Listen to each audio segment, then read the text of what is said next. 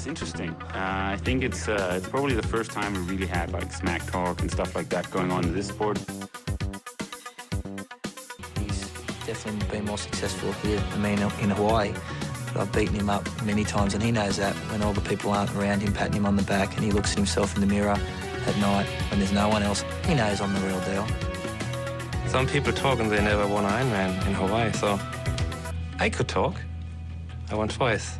Once again, welcome to Expo for Ironman Copenhagen 2019, and I'm a bit starstruck because next to me in this couch is sitting Anne Haug, ITU superstar and now current Ironman champion and superstar. Third in Kona last year, also third at the 71.3 Ironman World Championship at 71.3. So how are you doing? My preparation wasn't that good like it was last year. We had a lot of troubles with injuries, so it's my first race post-injury, so yeah, it's like a box of chocolates. You never know what's inside, so, but I'm looking forward to stand on the start line again. I had a long period of no racing, obviously, and yeah, now I'm very excited to be here, and yeah, to show a start line again. Exactly, I know that you've been training on the AlterG uh, uh, because of the altitude, you know, to uh, don't have so much pressure on your on your knees and, and your legs. So, uh, for how long have you been running now? Um, I run now for four weeks, so I'm not really Four weeks, okay. So the marathon is a bit. Yeah, it's a bit uh, uh, unknown. Yeah, you know, I hope I can get through, and I know I'm not prepared perfectly for the marathon, but I hope I get all the muscle memory, so that my body will remind what, what I'm capable of doing. And um, yeah, I mean, I, I did triathlons for quite a lot of years, so I hope that the injury break may maybe not be too bad. So. Talking about muscle memories, I know when you when you stopped the ITU career to skip uh, to ship for a long distance, you tried out a marathon. Best marathon time? Just just throw it out there. Yeah, because it was my only marathon, so it was obviously a personal best. And yeah, it was a bit like a kind of frustration after the Olympic Games. I wanted to do something where no one yeah, expect something from me, so I want to do something completely different and crazy. And I said, okay, I have four weeks, let's do a marathon. And yeah, it was quite fun. I really, really enjoyed it, and I definitely want to do it again. And um, yeah, it was a nice experience. But you, you like a, like a typical German person, you are a bit too modest. I think you, you don't mention the time. It was a 2:36 marathon. That's crazy. Yeah, it was completely unexpected because I didn't want to expect. anything didn't this time or anything. I just go out, um, go to open of a half marathon and see what the second half um, is um, will bring. And yeah, there's no pressure. It was like really fun. You had, you had a, you have uh, competed in two Olympic Games, right?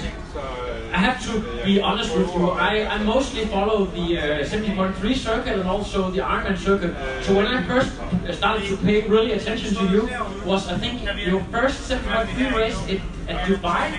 No, it was in Lanzarote. It was in Lanzarote, but, but I, I remember specifically from uh, Dubai, you posted a, I think it was 114 run split. Did that surprise yourself that you could bring this? Uh, I know, of course, when ITU athletes they, they they jump to the longer distance, they, they bring a lot of speed, but but a 114. Did you surprise yourself? Yeah, definitely, because it was almost the same speed I, I put on on the short course. And yeah, it's a typical phenomenon when um, short distance athletes move to the um, longer distance in the first year, everyone is really quick.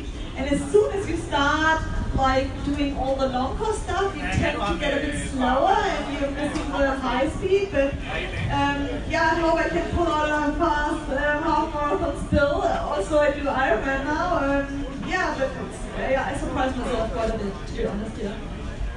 Have you thought through the scenario for Sunday? Because you obviously only have to validate. So if it starts to, to hurt in the legs, you can you can basically walk it. So uh, so what will your mindset be? Of course, you you of course like a, a professional, you will always go for the win. But, but have you thought through the scenario? Uh, what could happen on Sunday? Yeah, it's definitely um, yeah different to other races because I mean Ironman is most of the time is starting against yourself. Yeah, you don't race the others more. You have to finish it, and but I don't want to go just for the finish. I mean, if I'm on the start line, I want to give my, my best I can. I mean, I'm a professional athlete and I always want to give my very best. And it doesn't make the task easier if you know you have just to finish because there are so many unknown things. You can have a, technical problems, whatever. So I don't think it's a good mindset to go in and, and just want to finish. You have to be very focused and you want to yeah, give your very best and, and see what the day brings for you. you know? And yeah, I hope I don't have another mindset like I normally have. Yeah, you can see uh, like, like a girl like Sarah True uh, who tried to, to, to validate. She she collapsed uh, one kilometer before the finish line in, in Frankfurt, so everything can really happen. Um, let's let's go back in time a little bit because uh, about your your sporting background, I know you used to be quite a tennis player. Yeah, I started with tennis actually yeah, was five. Yeah, yeah, yeah. So uh, did you get up on, on, on a uh, championship level or what kind of, of level did you reach and, and, and when did triathlon came into the picture there? Um, I, I mean, I was a kid. I was five years when I started tennis, and I was quite good for my age. And I, I won a few, few tournaments. And um, at the point where I had to decide if I go like professional. My dad was a, a sports teacher said no, try different things, and he never wanted to focus me too early on high performance sport. So I tried out almost like every kind of sport. I played quite a long time uh, volleyball and beach volleyball. Did all the winter sports and judo and synchronized swimming and whatever. I did everything. And my dad always pushed me to try out everything. And um, yeah, triathlon comes to play. I mean, when I was finished school, so quite late, so I couldn't swim properly. So I learned myself swimming when I was 19. And yeah, I did my first w- Watching YouTube uh, videos, yeah, isn't that true? Yeah, that's yeah. true because I didn't have any technique. I was hardly able to finish 50 meters. And then yeah, practice and practice, and at the age of 20, uh, I started my first, uh, my first triathlon, a short course. Yeah. Super interesting. Uh, today, most people, when they hear the name Dan Lorang, a famous coach, think about Jan Frodeno and some of the other top guys. But you two have actually known each other for, for a very long time. You have been working him for almost your entire career. My almost entire career. Um, I met him in university. We were fellow students, and that's the both our careers started parallel because he was like a former student of mine, and he said, "Okay, I want to become a coach because we studied sports science." and he went to the professional path and I went to the rehabilitation path. You can choose in, in your sports study. And he said, okay, I want to get a coach and you look like you can perform maybe. So I, I, um, I will give you some training advice and we start, I start coaching yourself. And yeah, in between two years, I was in the first Bundesliga, and then I started my first European Cup and World Cup, and my career went up like this. His career went up as well, so he became national coach, and now he's with the Bora School and cycling team, and yeah, our both careers started together and go very parallel. Why is this guy so damn good? I know we have uh, we had Camilla before who uh, was training with uh, with Soto, uh, Brett Sutton, who is of course also very famous, but but uh, Dan Lorang, what, what, what does he bring to the table? Why, why is he so good? Yeah, different things. He's a very, very scientifically based coach. So very he, German, in other words. Yeah, he's very, yeah, uh, he knows everything about training. He's technically very perfect in training, uh, training wise, and he has one of the best characters you can have. I mean, he's a very, very, very nice guy, and he knows to interact with, with athletes very well. He knows individually what every athlete needs. There's no one fits all, so it's very individual, and you do, yeah. He's just a, a perfect guy for training. He has a good feeling for athletes. He's, he's like he, he, has the fundamental base knowledge of, of sports science and he's always like reading he's always on top of the science. So yeah. That's, that's amazing. simply amazing. If we have to talk about here in the end uh, Kona a little bit of course last year's third place we have like a Daniela Ryf who is uh, a monster on the bike we have a Lucy Charles who is a monster swimmer. Then we have you who is this lightning ball of a runner. So all these three types of athletes going uh, against one another. what what does that bring for, for to your game that you have you have to uh, up your game in, in the biking part and, and the swimming part? Um, that you have this kind of you know types going against one another. What does that give you as an athlete? Yeah, it's, nice to see, to be honest, because we have an absolute swim specialist.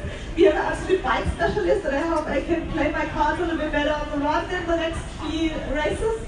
So yeah, it's interesting to see, but if you do your math, you know the bike part is the, um, the part where you stay the most. So if you're a good biker, you obviously have a bit of an advantage. But um, yeah, it's, it's, it's very cool to see, and obviously if you have such specialists, it raises your game as well because you know, okay, that's a benchmark, so you have to train really hard, and if one girl is really good in one discipline, it, it improves every other athlete as well because everyone wants to get closer and um, yeah, it's, it's very nice to have such athletes around and yeah, compare with them. Are you confident that, of course, it has a limited time for Kona, we have to be honest here, but you have been in the sport for, many years and you know how long time it takes. Do you think that you could be in absolute peak shape for, for um, the second week in October for, for Kona? Uh, to be honest, I I don't think about that because I have a very good coach, a very good physio, and and they will take care of me. And for sure, I will be in the best shape which is possible for the time. And um, yeah, I can't do anything. It doesn't matter to to, to think about that. You, you focus on the training and then yeah, you will I, focus I on the focus from day to day to day, and then we see what in which state I will be in Kona. I mean, so much things can happen. And, it's not just the physical part, I think, in Ironman, but the head plays a big game as well. So it's not all about your fitness, it's about how mentally strong you are and how willing you are to really put the hammer down on the day. And um, yeah, there are many like different parts of racing, and yeah, I, I think that I, I just focus on, on one day, and, and I want to do it every day the perfect I can be. And, uh, yeah, and we'll see what happens in October. But obviously, it's not the best preparation yet, but it doesn't have to say that I'm going to be first in Hawaii, so does have to qualify, obviously. Then, uh, uh, at least you're not overtrained when, when we reach October. I don't think so. I won't be That's, overtrained. that's super good. Come, Copenhagen, we are very proud of having a superstar like you racing here. And uh, here from uh, the couch, and uh, from me personally, I wish you the best of luck uh, Sunday. Thank you very much. I hope the was like that. It would be amazing. Yeah, me too. Thank you. No, I am done. Another. But now it's, I'm done. I have no power.